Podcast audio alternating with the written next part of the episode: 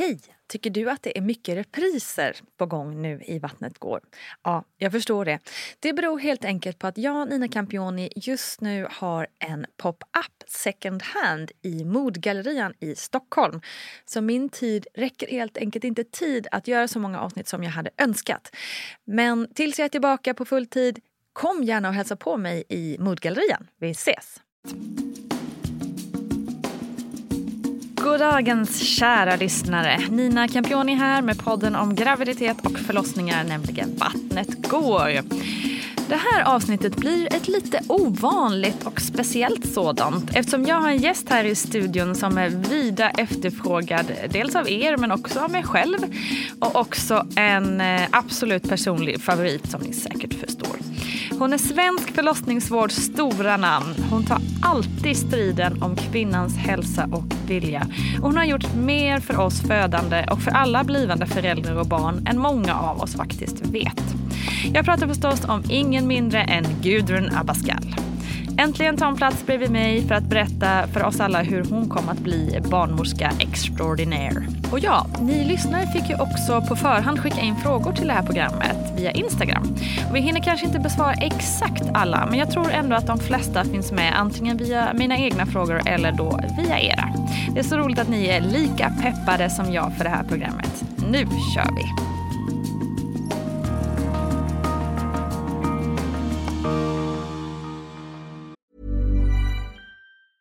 Quality sleep is essential. That's why the Sleep Number Smart Bed is designed for your ever evolving sleep needs. Need a bed that's firmer or softer on either side? Helps you sleep at a comfortable temperature? Sleep Number Smart Beds let you individualize your comfort so you sleep better together. JD Power ranks Sleep Number number 1 in customer satisfaction with mattresses purchased in-store. And now, save 50% on the Sleep Number limited edition Smart Bed for a limited time. For JD Power 2023 award information, visit jdpower.com/awards. Only at a Sleep Number store or sleepnumber.com. Life is full of awesome what ifs and some not so much, like unexpected medical costs. That's why United Healthcare provides Health Protector Guard fixed indemnity insurance plans to supplement your primary plan and help manage out-of-pocket costs. Learn more at uh1.com. Hey, it's Ryan Reynolds, and I'm here with Keith, co star of my upcoming film, If, only in theaters, May 17th. Do you want to tell people the big news? All right, I'll do it. Sign up now and you'll get unlimited for $15 a month in six months of Paramount Plus Essential Plan on us. Mintmobile.com slash switch. Upfront payment of $45 equivalent to $15 per month. Unlimited over 40 gigabytes per month. Face lower speeds. Videos at 480p. Active Mint customers by 531.24 get six months of Paramount Plus Essential Plan. Auto renews after six months. Offer ends May 31st, 2024. Separate Paramount Plus registration required. Terms and conditions apply if rated PG. Hold up. What was that? Boring. No flavor. That was as bad as those leftovers you ate all week. Kiki Palmer here, and it's time to say hello to something fresh and guilt-free. Hello Fresh. Jazz up dinner with pecan-crusted chicken or garlic butter shrimp scampi. Now that's music to my mouth. Hello Fresh. Let's get this dinner party started. Discover all the delicious possibilities at hellofresh.com.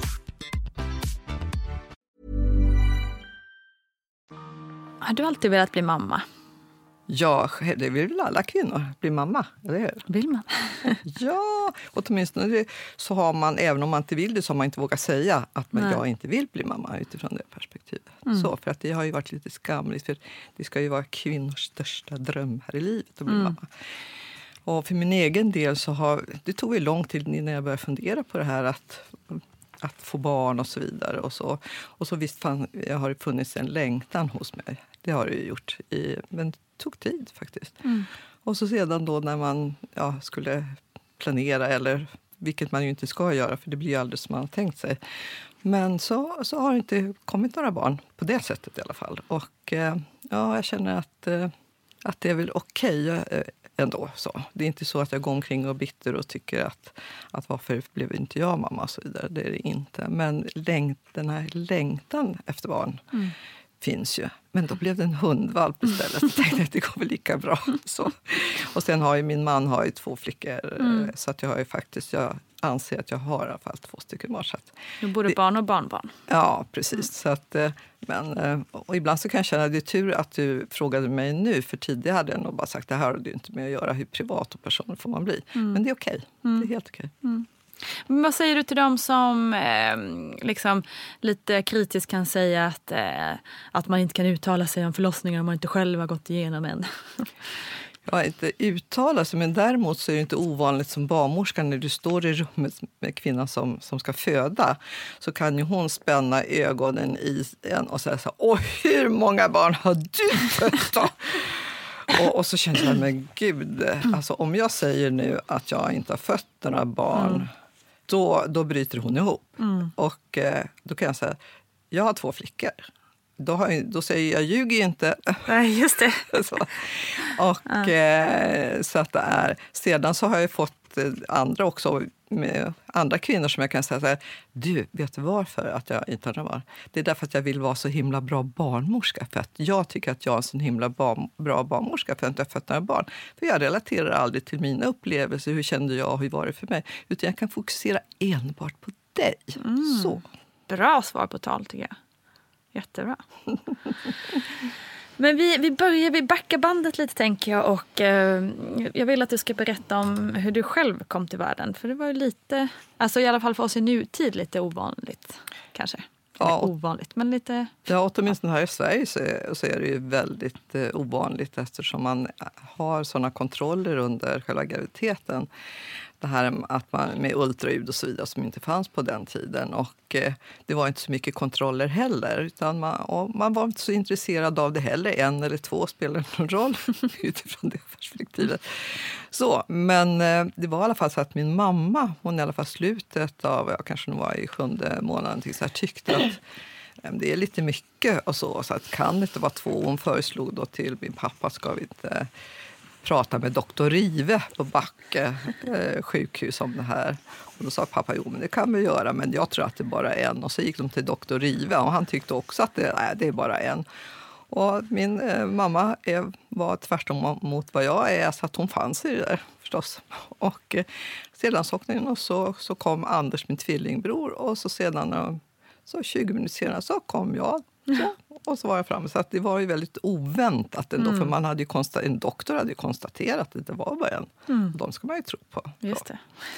Och eh, lite grann så brukar jag säga att det har format mitt liv väldigt mycket. Först och främst så hittar jag aldrig någonstans var jag ska någonstans. Inget lokalsinne. Och tänker jag, det beror på att min, min storebror som går 20 minuter, han visar vägen så jag behöver aldrig tänka efter själv. Så. Och, eh, och sen att jag kanske har ett otroligt stort behov av bekräftelse eftersom ja, ingen hade förväntat sig att det skulle komma. Så nu vill jag ha tillbaka det. Ja, just det. Intressant det där. Så Hur mycket, mycket kan påverka en hela Ja. vägen. Liksom. Mm. Som sagt, det, var en liten överraskning för din kära moder. Ja, men hon kunde ta det med ro och Mm. eh, jag vet att de var väldigt glada.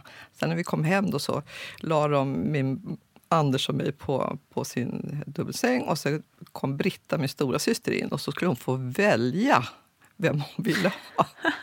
Och det har jag inte förlåtit dem, för hon valde ju Anders då, inte mig. Tänk att bli bortvald redan innan. Så den pedagogiken, använd inte den om ni får tvillingar. Tycker jag. Nej, gud vad hemskt. Inte konstigt du, har bekräftelsebehov. Bortvald efter en vecka. Ja, stackars lilla Gudrun. Men jag har kompenserat det kan jag säga. Mm.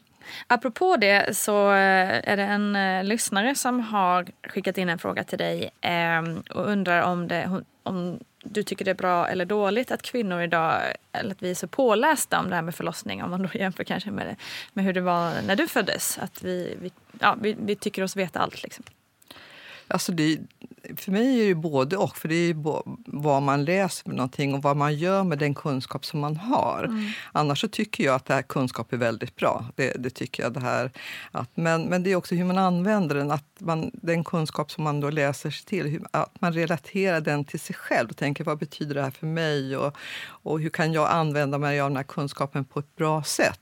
Så att det inte blir tvärtom att det blir negativt, så att det blir någon form av prestation och att jag kommer att bli värderad och, och, på det viset. Jag tycker att det är bra att det är bra att kvinnor har kunskap idag. Och sedan kan jag också se ibland det här att man har mycket kunskap så hamnar man i en situation där man måste göra olika val. Har man ingen kunskap så behöver man inte göra några val. Och det, det kan jag ibland, ibland när kvinnor hamnar i den här val...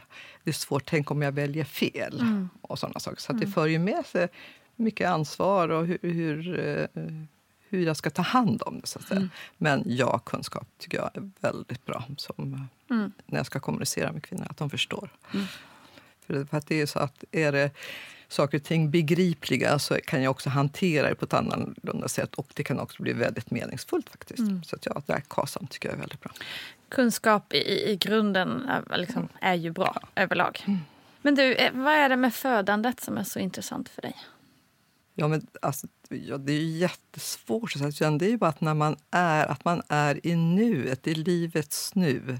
Och att allting annat försvinner i att trots att det här händer Ja, det är bland det vanligaste som händer i världen om man tittar. När man står i rummet med kvinnor som, som föder så är det en medvetenhet av nuet, att det är ett livets mirakel varje gång. Det kanske låter jättekonstigt, men det är faktiskt det. Och sen som barnmorska att jag har haft privilegiet att lära känna så många fantastiska föräldrar som jag aldrig skulle ha träffat och fått haft det, de samtal som jag har och att, att andra har fått lärt mig så himla mycket i rummet. Det här och se ja, allt ifrån vad livet innebär, för det handlar ju både om liv och död faktiskt. Mm. Så, så att jag har fått, tycker jag, jag skulle aldrig haft de här perspektiven på livet om jag inte hade fått vara närvarande som barnmorska på det viset som jag varit. Och hur liksom, började du och liksom, till slut kom fram till att vara en yrkesarbetande barnmorska? Jag är uppvuxen i, i sjukhusmiljö. Eftersom mina föräldrar jobbade i branschen så var det väl inte vet jag om det var, men jag blev sjuksköterska och det, skulle jag, det var, var klart också. Men sedan kunde man då välja vilken specialitet och det, det kom ju när jag gick min placering på förlossningsavdelningen på Danderyds sjukhus. Man skulle gå där då en vecka för att vara med och titta bara. Och då när jag kliver in i rummet och träffar de här föräldrarna och framförallt den här kvinnan som de eh, föddes födde så kände jag så här med, wow, vilken, både det här med kraft och känsla och tyngd och, och kompetens och det här att hon vågade ta det här klivet så, så blev jag så imponerad. Och sen såg jag också barnmorskans arbete i jämförelse med som sjuksköterska. Som barnmorska så är man har man ett helt annat ansvar och en mycket större självständighet och att kunna få vara närvarande i, i alltihopa. Så, så det var flera olika faktorer. Men, men att det är klart, när jag stod där kände jag det här måste jag få med många gånger mera. Mm. Och eh, ja, att att sånt privilegium som det är. Så att säga. Men också självständigheten. Och jag känner att jag vill ta ett eget ansvar här. Jag vill göra något mera. Jag vill något mera än bara vara. Så. Mm. Och hur var det att liksom gå in till din första förlossning när du var alltså, så att säga, färdig barnmorska? Ja, det blev något sånt här... Eh, alltså, också tillbaka till en otrolig upplevelse att det här är starten på resten av mitt liv. Mm. För det kan jag väl då, då säga, och det är bra eller dåligt, men att, att det här att vara barnmorska, det är ju inte så att jag har arbetat eller arbetar som barnmorska. Jag är barnmorska och det är någonting som man inte det tar man inte av sig när man går hem, utan man, man är det. Och jag känner att det har ja, det var så fantastiskt att ha den känslan. Att jag har inte, skiljer ju inte på privatliv och, och, arbete på det viset. Utan har det varit någon kvinna som ringt klockan två på natten tycker skulle du kunna komma in och hjälpa mig. Så, ja, jättekul, jag kommer. Fast jag får ju vara med om något fantastiskt. Så. Mm. Så, så att, eh, det, jag, har, jag har fått tillbaka så otroligt mycket. Att det är det. Mm.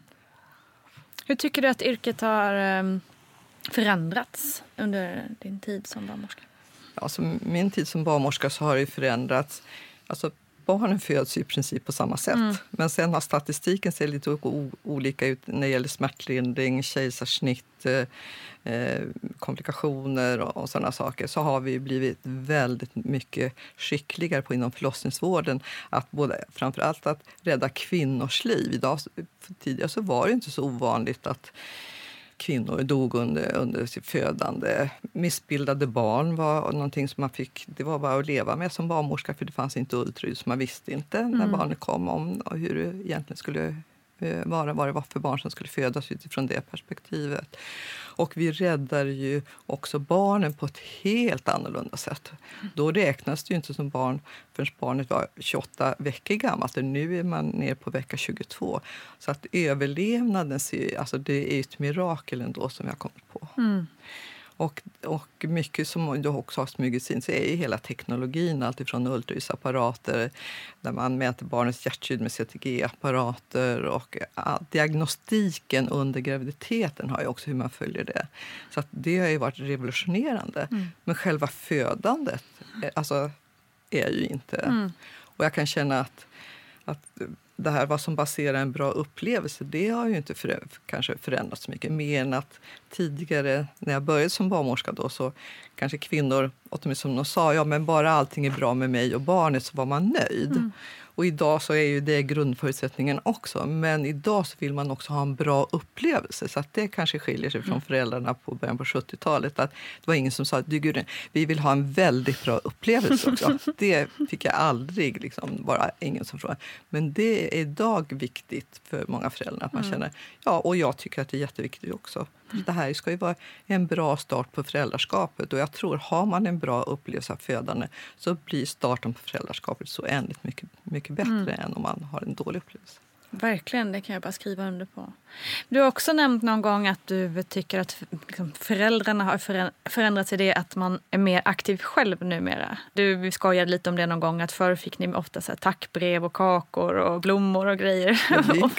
det, alltså, det, då behövde man inte gå på Systemet. Champagnen kom, chokladen kom och presenter och det var eh, så. Idag så är det och man fick till och med tack i, i morgontidningar. Det är mm. så tack Gudrun Abascal för ah. precis så. Ah.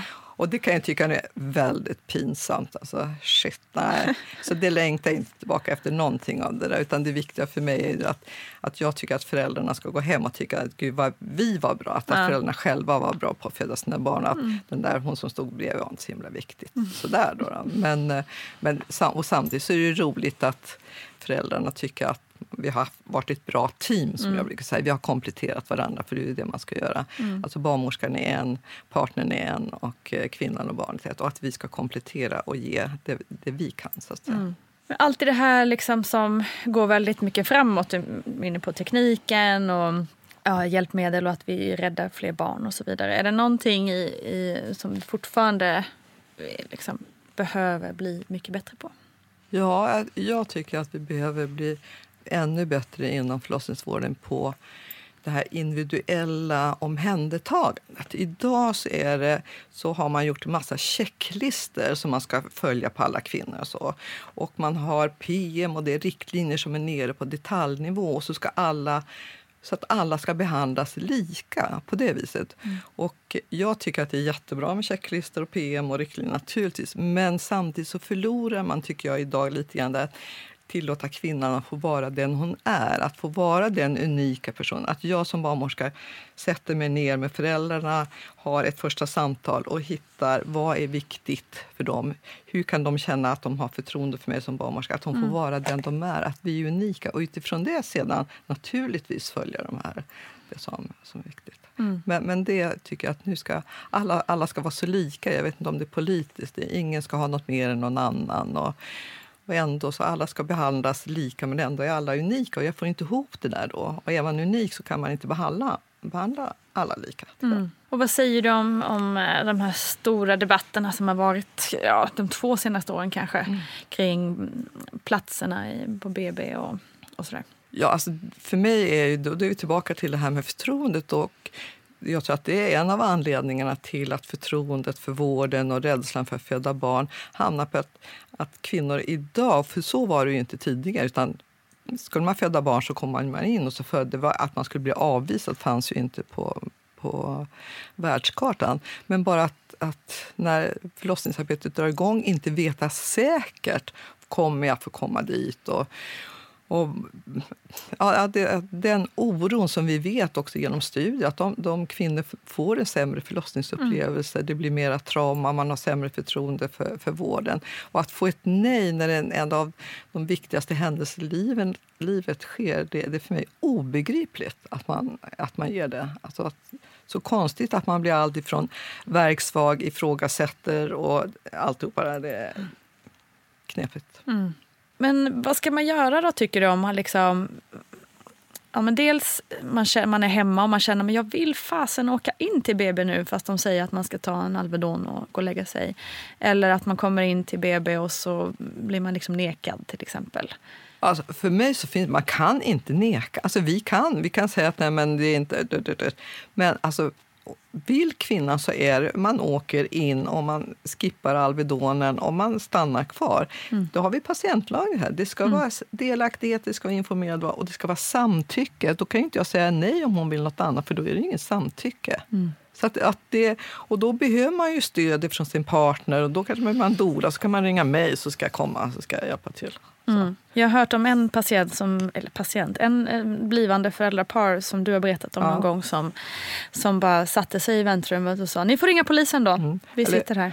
Ja, nu var vi, ja, det var väl ungefär. Men det var i alla fall, och där tycker jag var så skönt, för att det var, var då han som bara mm. bestämde. Hon blev, ofta så blir ju kvinnor jätteledsna, förtvivlade, mm. börjar mm. gråta. Så det är så, och det är så svårt då att, ska jag då som kvinna och så, i verkarbete och så vidare, man kan inte ta den fighten. Nej. Och det är det man har sin partner med sig. För att då är det partnern om han eller hon då ser det här mm. så är det bara så här. Och då så sa han som då så sa han så här, ja då får ni ju hämta polis och så blir poliseskort för jag tänker och vi tänker inte åka ifrån. Mm. Och det blev, gick ju bra, de mm. Jag är så, så stolt över det jag fostrat dem lite. Fast jag tror att de kunde själva, framförallt han kunde själv. Ja. Så, så du pratar ju ändå mycket med politikerna på olika ja. plan och alla partier och sådär. Vad, ty vad, tycker du? Jag fick också, vi fick frågan här på... Nu kommer det här avsnittet sändas efter valet. Så det, men det var ändå någon som, som undrade lite vad du tycker att de olika partierna gör? Eller liksom, hur ska man tänka? Om det hade varit val eh, liksom, när det här programmet sänds, hur skulle man tänka då tycker du? Fast det är det som är det svåra tycker jag. När jag då, för att idag så, så tycker jag ändå att politiker och tjänstemän lägger sig i mycket mer i vården totalt, inte bara förlossningsvården. Medan jag bara för, för 30 år sedan så fick vården mycket, var professionen som fick ta hand om vården. Och bra eller dåligt. Men alltså jag har ju träffat i princip alla politiska partier. Och alla tycker ju, alltså, mm. de är så trevliga och mm. gulliga och snälla och tycker att det här med kontinuitet i vårdkedjan och det här med att bemanna upp med barnmorskor, alltså, det skiljer sig inte. Det är ingen som tycker annorlunda. Och att kvinnor ska få föda på sina villkor och alltihopa. Så det, det finns inga motsättningar eh, som jag har uppfattat det hela, utan då är det så trevligt. Men problemet är att det är lätt att snacka där uppe, men sen hur får man det att fungera mm. i verkligheten? Och, då, mm. och, det är väl det som jag kan känna mig upprörd över. Att man på något sätt går ut och, och håller med och tycker vad vi inom professionen tycker är viktigt. Men sen hur man förankrar det och ger förutsättningar så att de som mm. jobbar i vården mm. kan genomföra det. Det är där problematiken ligger. Mm. Och framförallt att man inte följer upp tycker jag, på ett, på ett bättre sätt. Mm. Och verkligen se, går de här resurserna som vi nu ger, går de, hamnar de rätt? För det tycker jag inte att man har gjort. Nej. Men man bestämmer en sak. Och, och det är ungefär som patientlagen. Man har en patientlag där jättefint står precis. Men sen så ser man inte efterföljs den eller inte. Och det gör ju inte det. Och vad ska vi göra, tycker du? Ska man liksom fortsätta med de här BB-marscherna och protesterna som varit ja, tills vi får absolut. Liksom? Jo, ja. det måste, alltså, vi mm. måste ner på, på den enskilda nivån. Och jag kan förstå både för, för professionen så jag tycker också att det har blivit en tystnad bland, bland barnmorskor ändå. Därför att om man uttalar sig för mycket och säger för mycket så ses det kanske ibland inte så himla bra ut ifrån mm. Mm, högre håll. Kanske. Okay. Och då blir man tyst istället. Så. Mm. Så att där också, jag trodde, som jag, om jag ska vara lite så här så, jag trodde vi hade, hade yttrandefrihet i Sverige men ibland så träffar jag barnmorskor som jag känner att nej, man vill inte gå ut riktigt så hårt. och sen kan jag också förstå föräldrar. Också när man, alltså innan, när man väntar barn så är det här väldigt aktuellt och sen mm. så föder man barn. Och sen har man ju så fullt upp med familjen, så hur ska jag orka ta tag i det då? Mm. Så, men det är klart, alltså, mera hjälp därifrån. Så att, det att man ställer krav. Mm.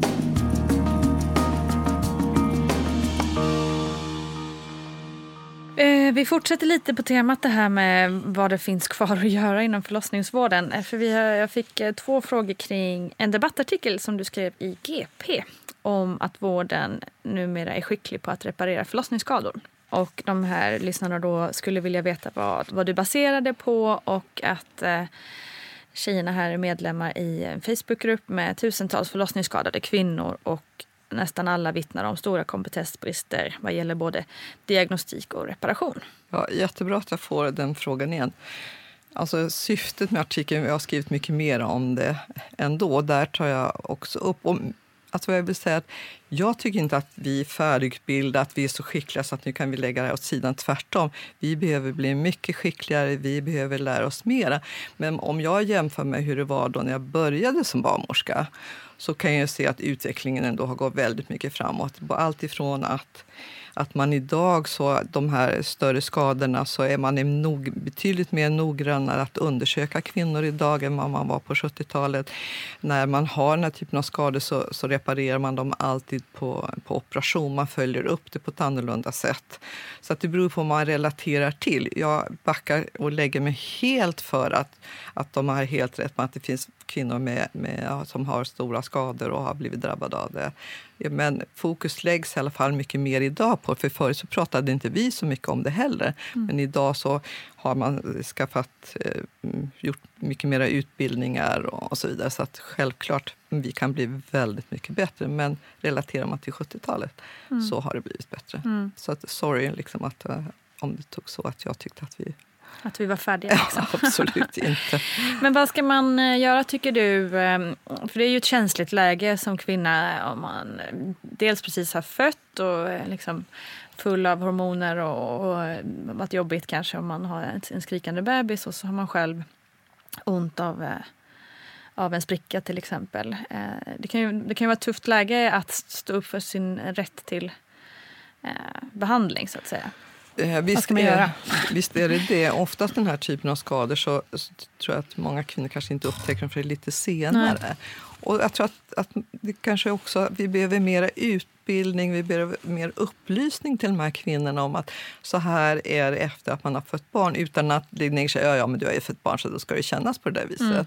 Men ändå tala om det här, att känner att, att uppmana till att söka. Om du känner, du behöver inte ens tala om exakt vad det är, utan kanske nej men det här känns inte rätt, så be om, så be om hjälp. Då. Då är man ju inskrivning på sin, mm, inom mödravården upp till jag tror att det är nästan tre månader så att man kan söka hjälp den, den vägen och få konstaterat eller vändas till akuten. Och jag uppmanar alla kvinnor att, att vid minsta besvär så hör av. Det är ett telefonsamtal. Jag förstår att, att, att det kan vara i den röra som det kan vara. Men ändå så, så det är svårt för oss som jobbar inom professionen att veta att den kvinnan går hemma och har besvär. Mm. Och att ta bort det här, många säger att det är, ja, man är skam och skuld och så vidare. Så att plocka bort sådana värderingar. Känns det inte bra för dig så, så är det värt att fråga mm. och gå vidare med det här. Och är mm. du inte nöjd, ja då, då, då, på när det kommer till din barnmorskemottagning så,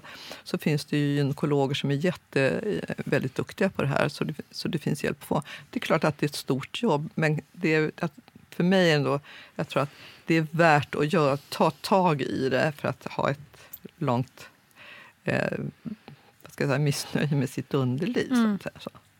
Det finns så, ganska många som vittnar om att, eh, att man anser att man inte blir lyssnad på.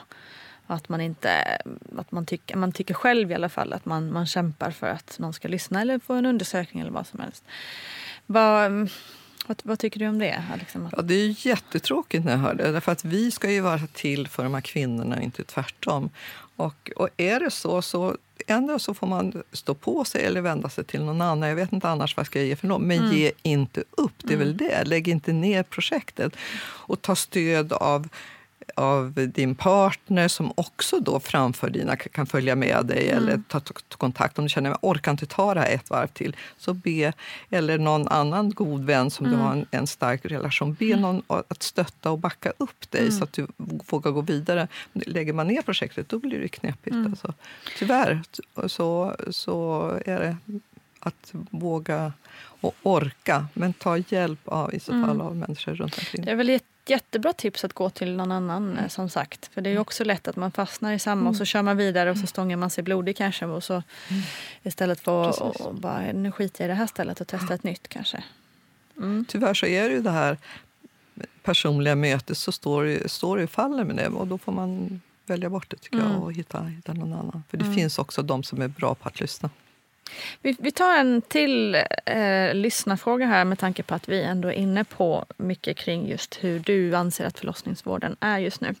Och då är frågan, hur, hur ser förlossningsvården på kvinnans och barnens villkor ut enligt dig nu för tiden? Ja, grunden till alltihopa naturligtvis att det ska vara medicinskt säkert att föda barn. Det är grunden. Man måste överleva för mm.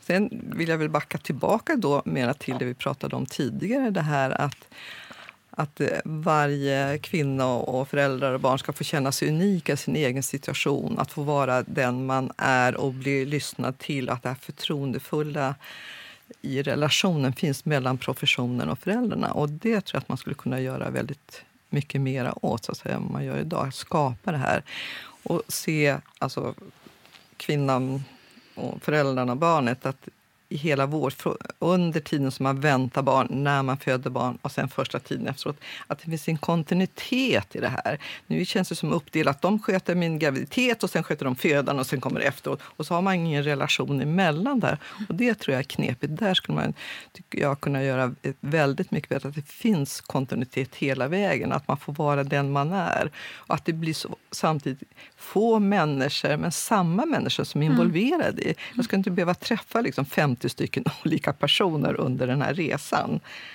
För det försämrar både det, medicin, det medicinska men också upplevelse och förtroendet och alltihopa. Mm. Så, så mm. där tycker jag att där finns det väldigt mycket att göra. Skulle och att kvinnor du... har också möjlighet att göra sina egna val hur man vill föda. Mm. Allt ifrån att få föda hemma till högteknologiskt. Men det ska vara bland annat kvinnan som på grund av det här så kallade informerade valet gör det rätta valet utifrån deras egen situation. Det skulle man kunna göra mycket bättre åt. Mm. Vad säger du då om den liksom jag vet inte ens om det är en amerikansk variant, men bara för att man ser så mycket filmer och tv-serier därifrån. Att man liksom har en och samma gynekolog eller vad de kallar det där, men eh, som följer med hela vägen och också föder ut. Eh, eller föder ut gör det inte, men assisterar vid förlossningen. Ja, nej men alltså, för mig så skulle ju det vara det som är allra, allra bäst för föräldrarna och även för vissa barnmorskor vill ju arbeta. Och det pågår i vissa projekt mm. på barnmorskesidan. För där kan man säga att i Sverige så, ersätt, så är det ju barnmorskorna, i USA så är det läkarna, men principen är densamma. Mm. Och jag har träffat amerikanska kvinnor som kommer hit och de är så upprörda över att det inte är samma person som följer hela vägen. Mm. Så kan säga. Mm. Så självklart är, tycker jag att, att, det, att det skulle vara absolut det, det, bästa. Men det är ju tuffare för då måste du kliva upp kanske klockan två på natten och du är jourer och det är en helt annan arbetssituation som mm. kräver de kanske har så pass väl betalt, de här amerikanska läkarna. Nu pratar vi om också en privilegierad grupp i USA som har det på här viset. Jag kan säga att det finns många i USA. Jag har varit i både Los Angeles och i andra städer där, där immigranterna föder barn och så vidare har inte alls de möjligheterna. Så att det är selekterat. Men det här att det är en som följer mig hela det gör mig självklar. Mm. Och då ska man ju naturligtvis trivas med den personen, men då, det är ju lätt att välja bort den mm, i så fall, mm. så tar man tills man hittar den här mm. förtroendefulla mm. relationen. Mm. Och som sagt så ska det ju ske lite projekt kring ja. det här. Eh, mm. Tror du att vi kan se en framtid med ja, det här i Sverige? Jag hoppas verkligen det, men jag tror att det, det kan... Alltså, problematiken ligger ju i om du, arbetsmiljön för barnmorskor. Det här, alltså hur man får det här på ett bra sätt. Och jag tror att uppfattar ändå att, att vi som jobbar i det här också egna privatliv som man måste, med barn och familj och som man måste ta hänsyn Vilket gör det svårare att, att jobba på det här viset. Men visst, jag tror att det finns en, en mindre grupp barnmorskor som, som är väldigt välvilliga till det och så vidare. Så, mm. så att jag hoppas och tror på att man hittar en bra organisationsmodell för det här också. Och då, handlar det om allt ifrån bättre betalt men, men också lägre arbetstid. Och, ja, det är mycket såna här saker mm. som behöver fixas till. Men absolut bästa modellen för föräldrarna. Och även för mig som barnmorska så är det, tycker jag att det är roligare om jag har träffat föräldrarna innan. Att vi har haft en relation till under själva födan och sen följa upp efteråt. Jag, det är det jag har lärt mig. Det är därför jag är så himla duktig barnmorska. Därför att föräldrarna har lärt mig det här. Mm. Så, för att jag har jobbat på det viset också. Mm. Hej, it's Ryan Reynolds and I'm here with Keith, co-star of my upcoming film If, only in theaters May 17th. Do you want to tell people the big news? All right, I'll do it. Sign up now and you'll get unlimited for $15 a month in six months of Paramount Plus Essential Plan on us. Mintmobile.com slash switch. Upfront payment of $45 equivalent to $15 per month. Unlimited over 40 gigabytes per month. Face lower speeds. Videos at 480p. Active Mint customers by 531.24 get six months of Paramount Plus Essential Plan. Auto renews after six months. Offer ends May 31st, 2024. Separate Paramount Plus registration required. Terms and conditions apply if rated PG. Life is full of what-ifs. Some awesome. Like what if AI could fold your laundry? And some, well, less awesome. Like what if you have unexpected medical costs? United Healthcare can help get you covered with Health Protector Guard fixed indemnity insurance plans. They supplement your primary plan to help you manage out of pocket costs. No deductibles, no enrollment periods, and especially no more what ifs. Visit uh1.com to find the Health Protector Guard plan for you. Quality sleep is essential. That's why the Sleep Number Smart Bed is designed for your ever evolving sleep needs. Need a bed that's firmer or softer on either side? Helps you sleep at a comfortable temperature? Sleep Number Smart Beds let you individualize your comfort so you sleep better together. JD Power ranks Sleep Number number 1 in customer satisfaction with mattresses purchased in-store. And now, save 50% on the Sleep Number limited edition Smart Bed for a limited time. For JD Power 2023 award information, visit jdpower.com/awards. Only at a Sleep Number store or sleepnumber.com. Ever catch yourself eating the same flavorless dinner 3 days in a row, dreaming of something better? Well, HelloFresh is your guilt-free dream come true, baby. It's me, Kiki Palmer. Let's wake up those taste buds with hot, juicy pecan-crusted chicken or garlic butter shrimp scampi. Mm. Hello Fresh. Stop dreaming of all the delicious possibilities and dig in at HelloFresh.com. Let's get this dinner party started. Since 2013, Bombas has donated over 100 million socks, underwear, and t shirts to those facing homelessness if we counted those on air, this ad would last over 1,157 days. But if we counted the time it takes to make a donation possible, it would take just a few clicks. Because every time you make a purchase, Bombas donates an item to someone who needs it. Go to bombas.com slash ACAST and use code ACAST for 20% off your first purchase. That's bombas.com slash ACAST, code ACAST. Jag upplever också att intresset för dolor ehm, ökar lite. Ehm, vad, vad, hur, hur, ser du på ehm, att ha en dola i rummet? Och vad, hur ser barnmorskor överlag på det? skulle du säga? Ja, jag tycker att när vi diskuterade barnmorskegruppen så, så uppfattar jag ändå att, att barnmorskor är väldigt väl inställda till det. Sen handlar det om personkemin i rummet mm. också, att man vet, vet sin uppgift, mm. så att mm. säga, att, att man är tydlig med det. Men jag tycker att de gånger jag haft doler med mig i rummet så har det fungerat jättebra. Och jag kan förstå idag, då, eftersom vi har det här att det inte finns någon kontinuitet inom förlossningsvården. Att man vill jag vill ha en person som jag känner mig trygg med, som har en speciell kunskap hur, att stötta mig, som följer hela vägen mm. istället för att det springer in och ut olika personer i rummet. Så jag skulle också om jag skulle föda barn idag, ha en dola med ja. mig just utifrån det perspektivet. Mm. Att någon som ser sammanhanget och helheten och höjer blicken lite, inte bara just här och nu. Mm. Nu är det dags att backa bandet igen tycker jag. Vi, eh, vi måste gå vidare med din egen karriär. Du började som barnmorska då ju och, och var med om din första förlossning som barnmorska. Mm. Vad, vad hände sen? Hur kom du liksom vidare till att bli än mer engagerad och, och ta nästa steg? så att säga? Jo, men eftersom då hade jag väl kanske arbetat i sju, åtta år Och där då jag hade lärt mig mera, både när det gäller studier och utveckling, gått vidare, men också att, att kvinnor hade lärt mig det. Och jag kände, men det här, det här så det, Alltså jag måste, det här måste ju alla, ja, det här måste man ju berätta för alla, så alla måste förstå. Man såg ju då när alla kvinnor låg i gynläge och, och barnmorskan mm. gick in och ut. Och det var, alltså, men gud, den här relationen mellan barnmorska och föräldrarna mm. och den här intima upplevelsen som det det här måste alla förstå. Så då kände jag att det här måste jag ta tag i. Så då gick jag också gått lärarutbildningen för barnmorskor så att jag också arbetat med det. Och så kände jag att man måste sprida den här kunskapen både till professionen, för det var där jag började med utbildning av barnmorskor, eh, medicinkandidater och, och, så. Och så tänkte jag, men föräldrarna, för de har ändå en stor makt. Om de kan stä våga ställa kravet så kommer vi inom vården att måste anamma det. Man kan mm. inte bara låta det vara. Så att det var på den vägen liksom som det då blev. Så att jag kände att jag måste ut med det här. Så. Mm. För det, var inga, det är ju inga svåra saker det här med förtroende och det här relationen och alltihopa det här. Att, att grunden är och hur intimt det är att föda barn. För det tyckte inte jag att man kunde se då på den tiden. Det fanns ingen intimitet alls. Och att just det här, det här, det är inte bara att föda barn utan det, nu blir de en familj. Och hur, hur gör vi så att det blir en bra start? Mm. Och, och, vad hände sen? Alltså, berätta om din roll kring hela Baby Stockholm. Och... Ja, jag kan säga att karriären då, sedan så arbetade jag några år på, på barnmorskeutbildningen så kände jag så här, nej men det här går inte tillräckligt snabbt att påverka. Så då fick jag en chefsbefattning som på, på Danderyds sjukhus som chef där. Och då jobbade jag både som klinisk som barnmorska, men då kunde jag påverka mer, mm. skapa bättre förändringar i själva vården, för det gör man inte, gjorde man inte på, på utbildningen. Men där kunde jag verkligen gå in och tala om att nu ska, de här, det här, så här ska, jobbar man här. Mm. Så att. Vägen dit kan man mm. fundera. Men, men, målen är i alla fall att se föräldrarna, att föräldrarna skulle vara delaktiga i besluten, att de ska känna sig sedda, i ja, alltihopa mm. det här.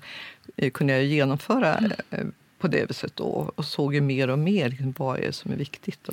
Det låter också rätt roligt att du te, äh, det gick inte tillräckligt snabbt så då, då blev jag chef bara. Ja, För då fick jag bestämma, jag fick bestämma ja. mera då och peka med hela handen. Mm. Alltså, och, och, och, eh, samtidigt så var det inte alla som tyckte som mig och det har ju också stärkt min karriär, att alla tyckte inte som jag. Och man får, får argumentera hur mycket man vill, men man kan inte bara säga jag vill inte. Det har alltid varit mitt, mitt mantra, för man nej men jag vill inte och vi har alltid gjort så här. Och det, så här, det gör inte att vi kommer stanna kvar, utan du måste ha en bättre förklaring till varför du inte vill arbeta på det. Inte för att vi alltid har gjort så här vidare. Mm. Och det har varit så spännande. Så att många också har ju sagt emot mig. Det har ju också utvecklat mig där. Att hitta bra argument och ta reda på hard facts och titta på studier och så vidare. Att, att jag verkligen har grundat så att ingen ska kunna komma åt mig. Både när det gäller studier, evidens och beprövad erfarenhet. Mm. Och hur länge var du chef där på Danderyd? Ja, sen kom ju då förfrågan det här när, när Praktiktjänst och Danderyds sjukhus gick ihop då till BB Stockholm. Och då frågade de om jag ville bli chef då tillsammans med Harald Almström och Anders Björklund. Så då startade vi att planera då BB Stockholm och då fick jag stå väldigt mycket för själva utformningen. Inte det här med läkare och utbildning, utan med mer organisatoriskt. Det var då som jag tänkte att nu ska vi ha hela vårdkedjan. Liksom, det här. Mm.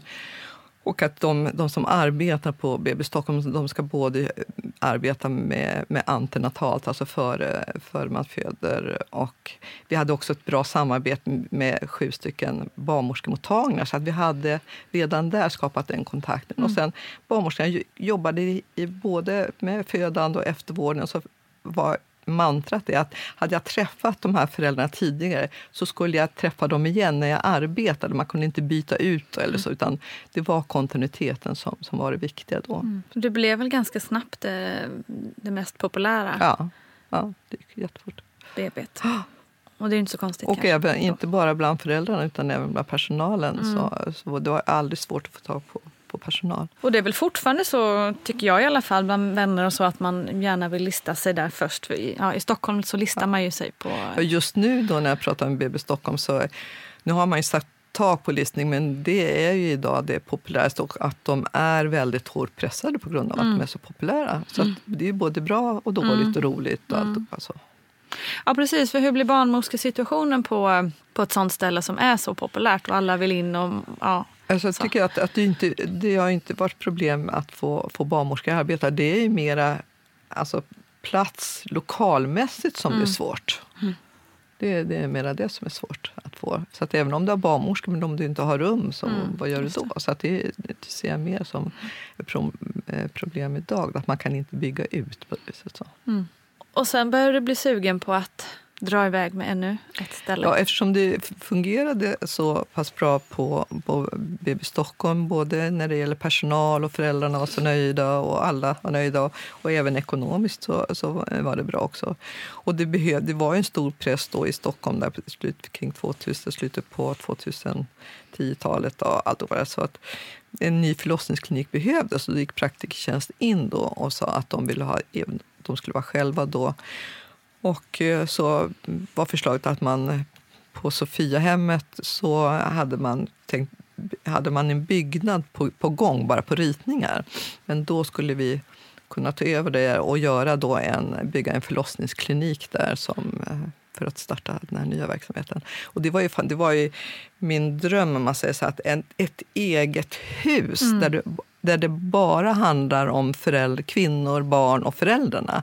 Där det inte skulle finnas någon konkurrens som det gör på andra, alla andra sjukhus. Så, så har du en förlossningsklinik som på, på de här stadiet så det, har du en konkurrens av när det gäller narkosläkare till exempel som är på akuten ibland och på medicin. Du, du har konkurrens. Men här så skulle alla bara stå vara till för föräldrarna och barnen. Så att ungefär I USA finns ju det också det här med Women's and Children's Hospital.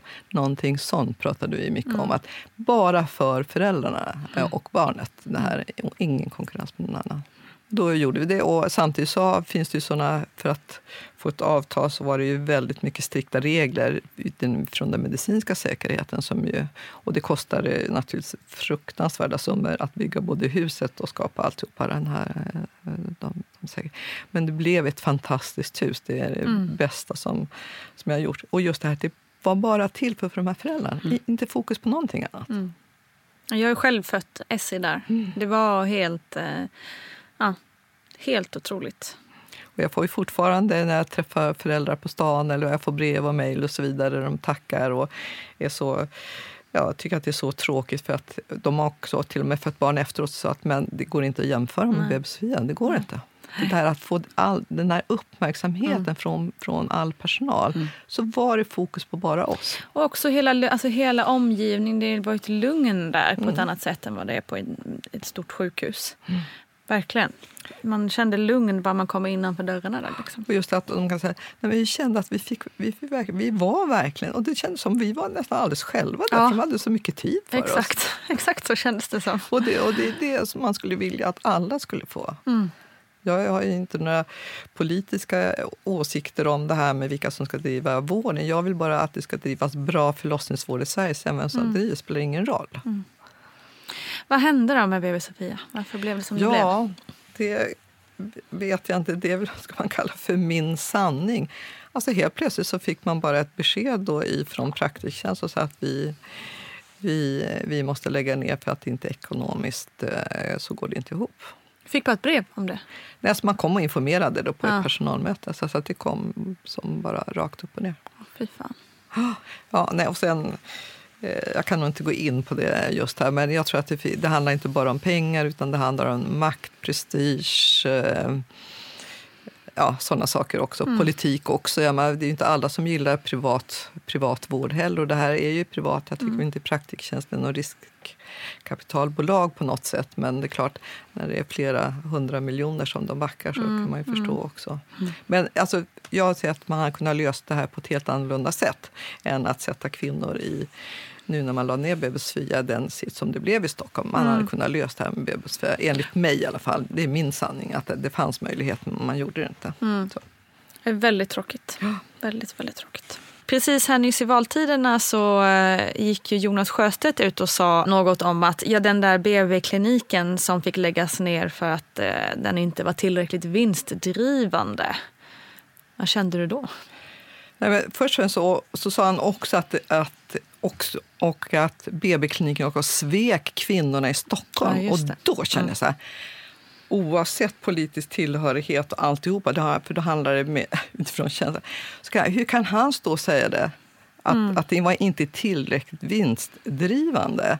Har researchen saknade jag ändå. När jag vet att det var flera hundra miljoner som Praktiktjänst backade på. Mm. Och sen att man sviker kvinnorna i Stockholm. Vem var det som svek kvinnorna i Stockholm? Ja, inte var det BB Sofia och personalen. Nej, precis. Så att jag känner att jag måste bara gå ut för att rättfärdiga all den fantastiska personalen som har arbetat och byggde upp det goda ryktet. Vi är fortfarande rankade som högst i Sverige mm. när man värderar vården. Mm. Och att och även de föräldrar som valde att föda på BB Sofia så känner jag att jag måste, de, vi måste få en uppräkning på det. Mm. Man går inte ut och säger ta reda på fakta först mm. i Israel. Men att diskutera det här med att, vinst, att den inte var vinstdrivande, det, det tar jag som en smäll rakt i, i ansiktet. Så. Mm.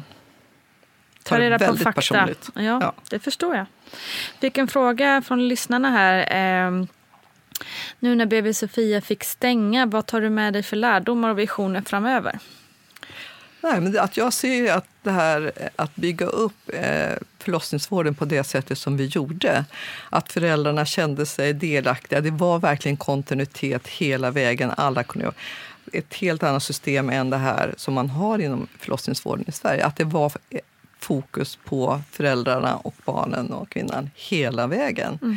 Så att naturligtvis, jag har konceptet. Jag skulle, kunna, jag skulle gärna starta och göra om det en gång till. För jag vet, vi vet, vi som arbetar där, hur bra förlossningsvård ska fungera. Där föräldrarna och personalen är nöjda. Mm.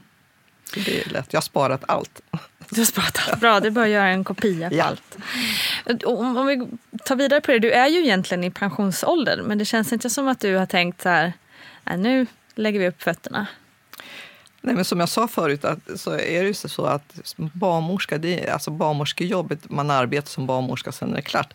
Barnmorska är man resten av livet tills mm. man dör. Så att, och frågan är om inte jag fortsätter efteråt också. Då, där. Så. så ni ska inte Ligger komma undan om det ni tror. Alla Nej, så det är så. Jag tycker det låter tryggt.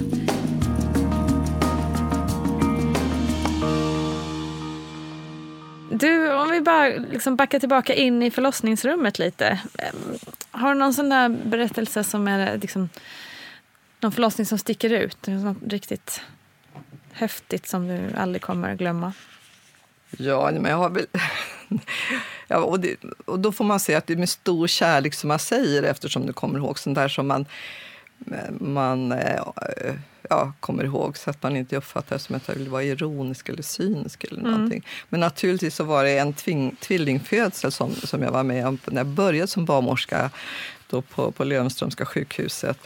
Och där då en kvinna som kom från Tyskland och hennes man var pilot. Och Han var ute och flög, så hon kom in ensam och hade ingen med sig. Och jag kan säga, min tyska är ju inte så himla bra. Hon kunde varken engelska eller svenska. Oj.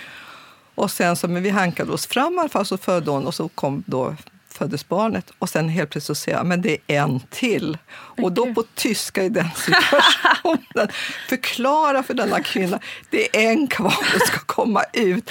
Alltså, det glömmer jag aldrig liksom, i allt. Men vi fick ihop det på ett bra sätt. Eh, på, på det viset också. Så det, det var du fick också... lite flashback från din egen födelse? Ja, jo, det var väl det också så att det blev så stort. Ah. Alltså, hur, hur gör jag det här på, på ett eh, bra sätt? Mm.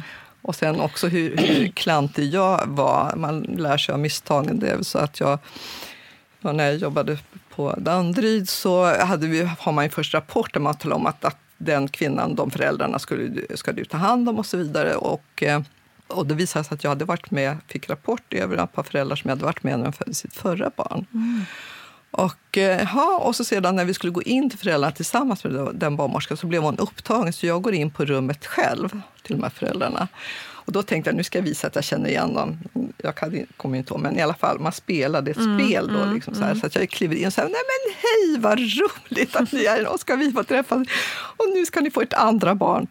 Och så bara stirrar de på mig så här, och han, alltså maken, stirrar, pappa, han stirrade på sin kvinna. Liksom, typ. Och så tänkte jag, men shit, vad är det här? Liksom så här. Då visade jag att jag gått in på fel rum. så att det var deras, var deras, liksom Deras första barn.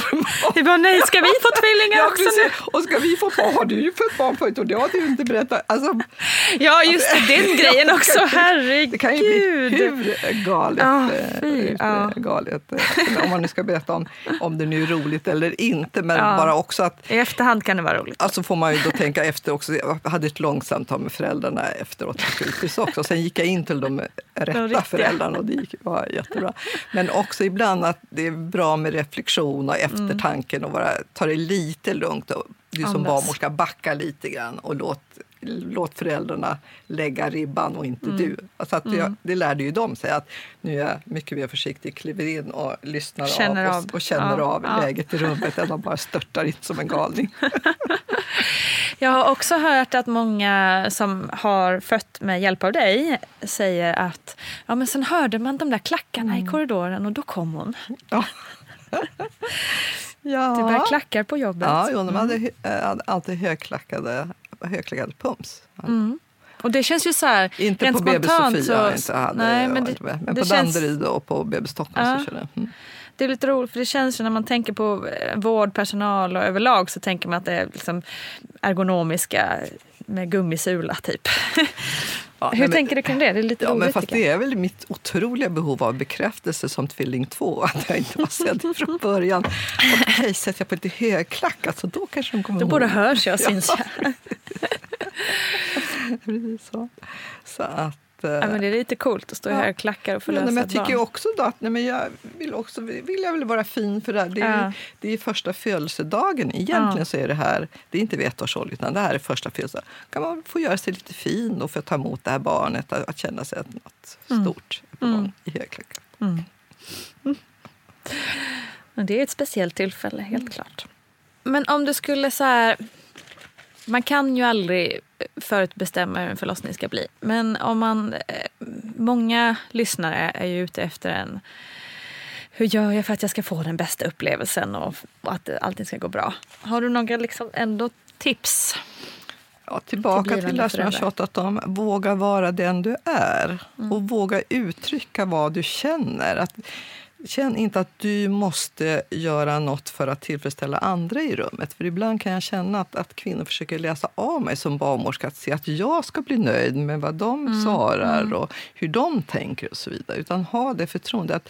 Det viktiga är att du känner att du får verkligen vara helt och hållet i- det här. Och vara ärlig och till och med säga att men vad som helst, vi kan ta det. Och uttryck istället. Och likadant om du är arg, visa att du är arg. Och säga att Nej, men det här är inte okej och så vidare. Det är inte så att man blir sämre behandlad då, utan den här tydligheten att vara rak och våga det. Och att jag lovar att jag ska göra allt vad jag kan för att det, det här är din det är ni som föder barn nu, inte jag. Och då är det det som räknas. någonting. Men det är svårt som barnmorska att arbeta då och göra det här bra om jag inte får de här ärliga svaren.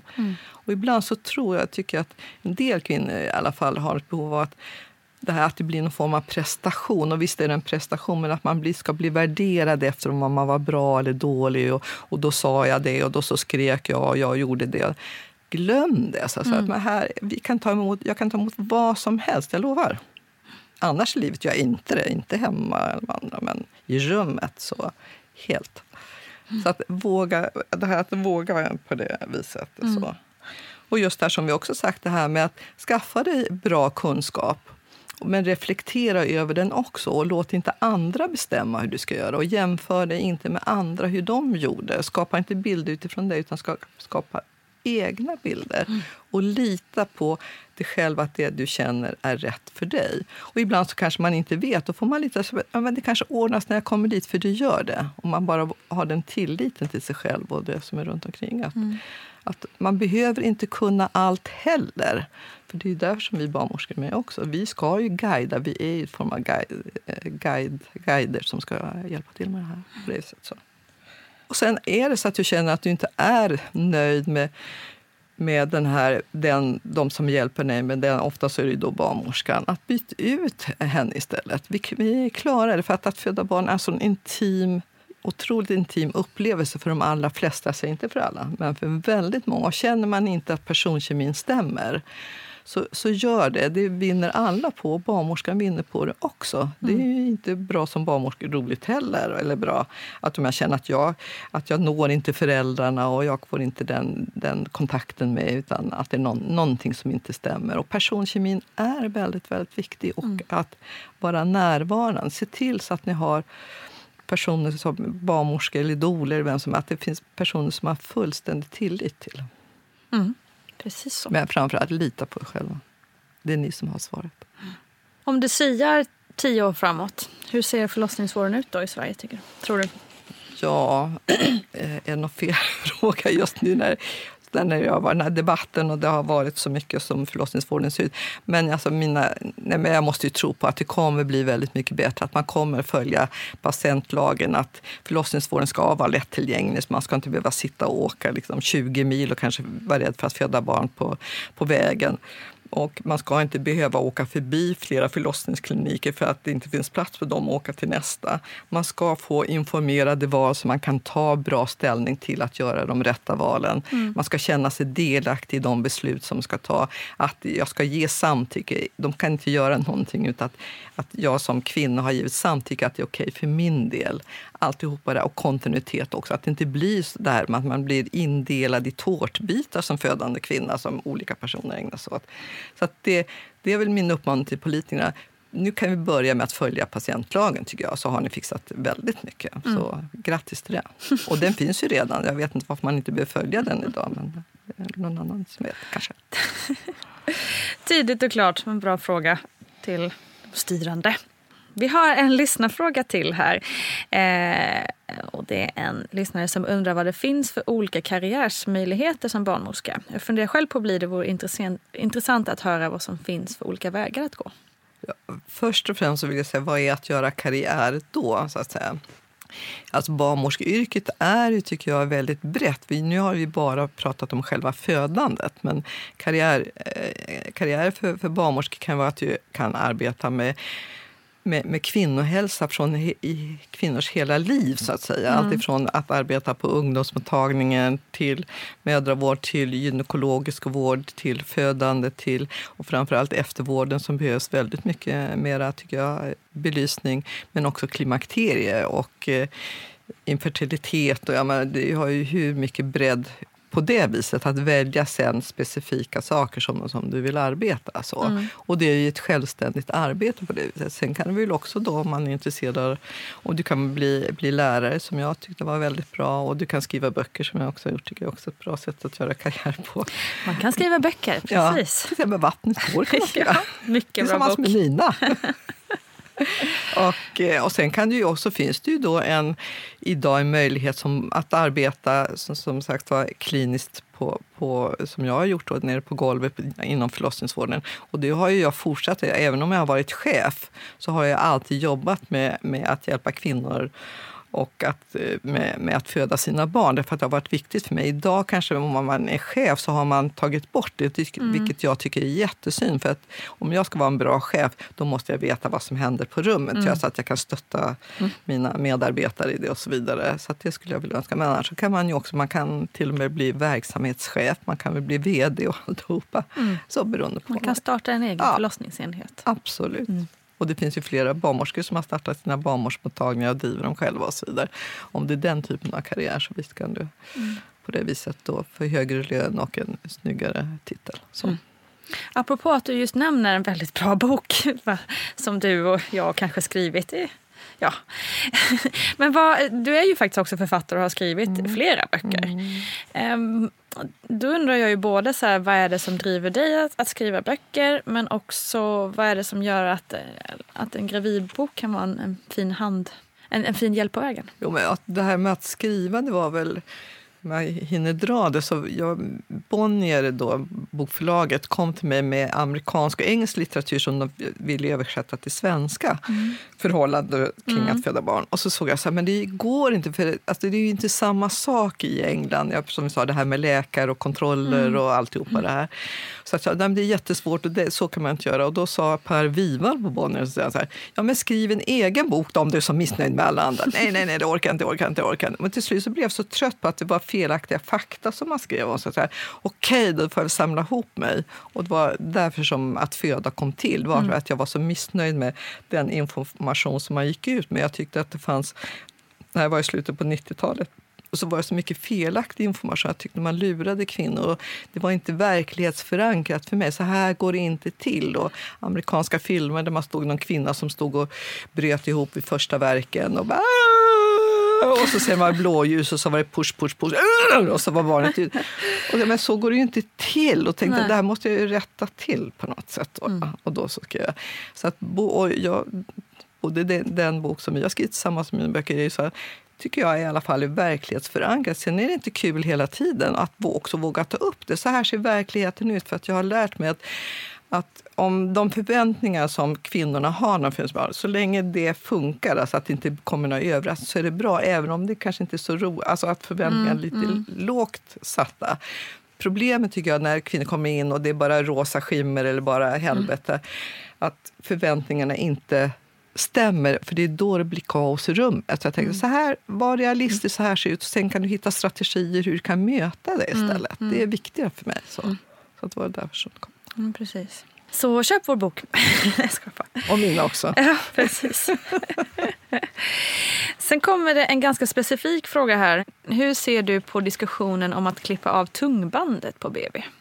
Ja, alltså det där har ju varit, tycker jag, genom åren så har det kommit och gått.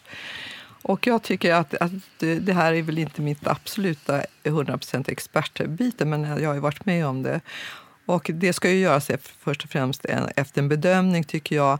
Att man gjort en amningsobservation och verkligen sett då liksom att, det här, att barnet har en sån kort, så kort tumband. Så att tungan kommer inte rätt emot bröstet. Det är jättesvårt med amningen. Mm. Men man ska verkligen ha stämt av det ordentligt och sett att det inte...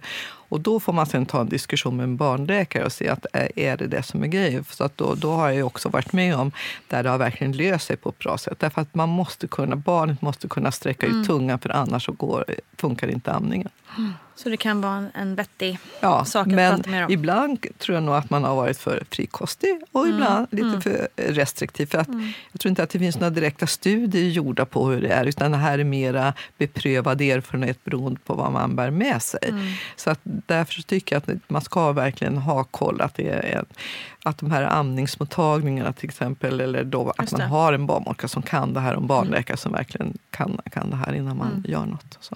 Det kan ju också vara bra liksom, för kvinnor överlag att få den informationen. Jag, vad jag märker så är det många som som aldrig har ens hört att det här problemet finns. Som kanske haft jätteproblem med amning och så vidare. Mm. Man kan ju i alla fall på information att det ja, kan vara en orsak. Eller? Precis, att man kan stämma av, ja. av med det. Ja, men det är definitivt ingenting som man bara ska göra. Nej, nej, nej. Så, utan, på alla barn. Liksom. Nej, precis. Nej. Utan, men, men det är ju som, som man tittar på hundar. De har ju väldigt lång tunga när de ska... Mm. Mm. Men eh, för barnen så en del har varit väldigt hjälpt av det mm. naturligtvis. Mm. Eh, under valtiderna här har det också varit mycket snack kring inskränkningar i aborträtten. Och mm. mycket kring vad barnmorskorna ska få neka och in, inte. Alltså, hur ser du på det, den här diskussionen? Ja, nej, men den, den kommer ju av och till och det var ju någon barnmorska här i Sverige som har... Nej, men alltså väljer man det här, väljer man att arbeta som barnmorska så måste man ta hela vägen för mm. att vi, det handlar om reproduktiv hälsa och att ha respekt för kvinnors egna val. Alltså, mm. Det är tillbaka till det som jag har pratat hela tiden om, att, mm. att kvinnor måste få vara den de är och man har rätt att bestämma över sin egen kropp oavsett om det gäller en abort eller föda barn eller ja, vad som helst. Så det, det är oåterkalleligt. Mm, liksom. Verkligen. Gudrun, jag är jätteglad att du ville vara med och berätta om all din kunskap och din väg mot ett ja, bättre Sverige. Det är, så, det är fantastiskt Nina, för du får mig också att prata på. Och Att vi har skrivit en bok tillsammans tycker jag är så roligt att det blev just med dig. Ja, vad glad jag blir. tycker jag också. Tack så hemskt mycket. Tusen, tusen tack käraste Gudrun Abascal för att du ville dela med dig av din resa. Den är inte bara imponerande utan också inspirerande. Hoppas ni lyssnare också tar med er det här med att lita på sig själv och att stå upp för sig själv. You can do this. Det vet vi, både jag och Gudrun och du. Eh, flaggar också för den här boken som jag och Gudrun faktiskt nämner en gång här och där. Eh, vi har ju skrivit en bok tillsammans. Vattnet går heter den. Och jag räknade häromdagen hur många frågor vi tar upp i den om just graviditet och förlossningar. Och inte mindre än 374 frågor ställer jag till Gudrun och andra experter i den här boken. Så den är faktiskt ganska bra att ha med sig på sin graviditetsresa. Tips, tips! Hörni, tack igen alla. Vi ses på Instagram och så hörs vi snart igen. Kram!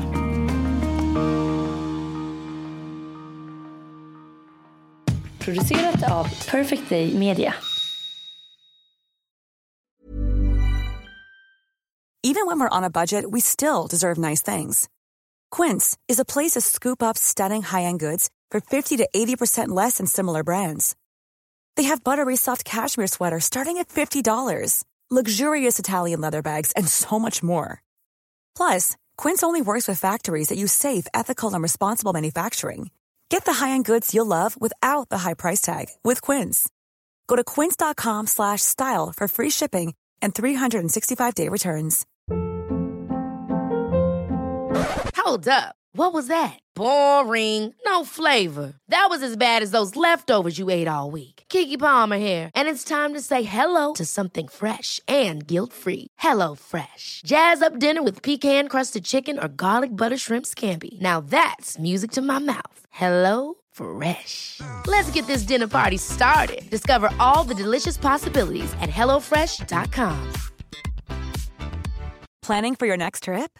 Elevate your travel style with Quince. Quince has all the jet-setting essentials you'll want for your next getaway, like European linen, premium luggage options, buttery soft Italian leather bags, and so much more. And is all priced at 50 to 80% less than similar brands.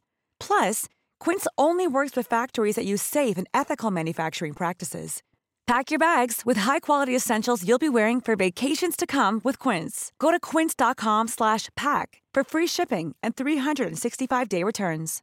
Imagine the softest sheets you've ever felt. Now imagine them getting even softer over time. That's what you'll feel with Bowl and Branch's organic cotton sheets. In a recent customer survey, 96% replied that Bowl and Branch sheets get softer with every wash. Start getting your best night's sleep in these sheets that get softer and softer for years to come. Try their sheets with a 30-night guarantee. Plus, get 15% off your first order at bowlandbranch.com. Code BUTTERY. Exclusions apply. See site for details.